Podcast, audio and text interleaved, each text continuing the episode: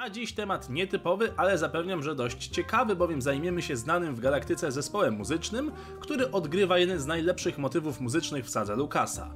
Poznajcie Virgin Dan and the Model Notes. Zespół, który ujrzycie w filmie, składa się w całości z członków rasy Beef i specjalizują się w gatunkach G's oraz Jets. Liderem zespołu był nikt inny jak sam Fury, czyli Virgin Dan. Wszyscy muzycy byli członkami Intergalaktycznej Federacji Muzyków, w skrócie IFM. Wyróżniał ich jednolity strój dla każdego z grających i specyficzne nastrojowe nuty dopasowane do aktualnego klimatu. Choć znani byli dość szeroko w zewnętrznych rubieżach, to nigdy nie zrobili większej kariery w światach środka, gdyż nie postawili nigdy na wokal i charyzmatycznego solistę, skupiając się na graniu muzyki tła. Zespół liczył sobie zawsze minimum pięciu muzyków, a czasami ich liczba dochodziła do siedmiu i była wymienna w zależności od potrzeb. Ze znanych nam artystów mamy następująco.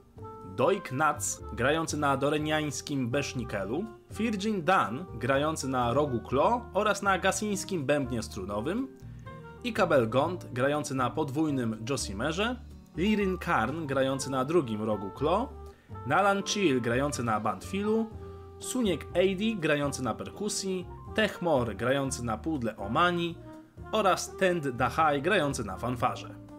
Ich kariera rozwijała się już podczas wojen klonów, wtedy jednak byli członkami zespołu Jasoda Rivoka, znanego holonetowego aktora, który tworzył zespołem pod szyldem Galactic Review.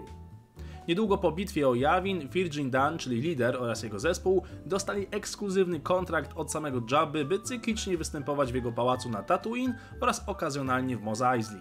Praca u kryminalnego lorda nie była jednak spełnieniem ich marzeń. Szybko zaczęli obawiać się o swoje życie, żyjąc w strachu przed nieobliczalnym hatem.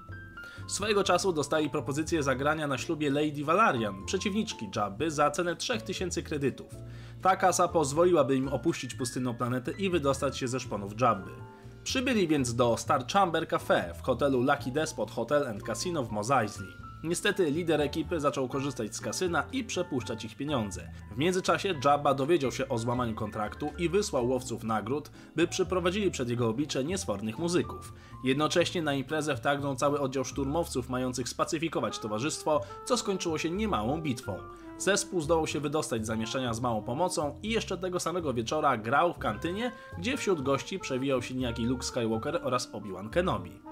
Nieco później Virgin Dan postanowił zaszaleć w Sabaka, przegrywając wszystkie instrumenty zespołu, jedynie po to, by zaraz potem znowu je wygrać. Wtedy zespół postanowił ostatecznie opuścić Tatooine i zacząć karierę na innych planetach. Odnosili większe i mniejsze sukcesy, poznając niekiedy ciekawe osobistości, takie jak choćby Lando Calrissian. Z ciekawostek, w filmie w muzyków wcielili się specjaliści i artyści od make-upu, sami zakładając lateksowe maski, jednak ich imiona i nazwiska nie zostały wymienione w napisach. Mam nadzieję, że podobał Wam się ten nieco inny odcinek i być może chcecie poznać inny zespół, np. Maxa Ribo. Dajcie znać i niech klimat dobrego Jeezu zawsze będzie z Wami.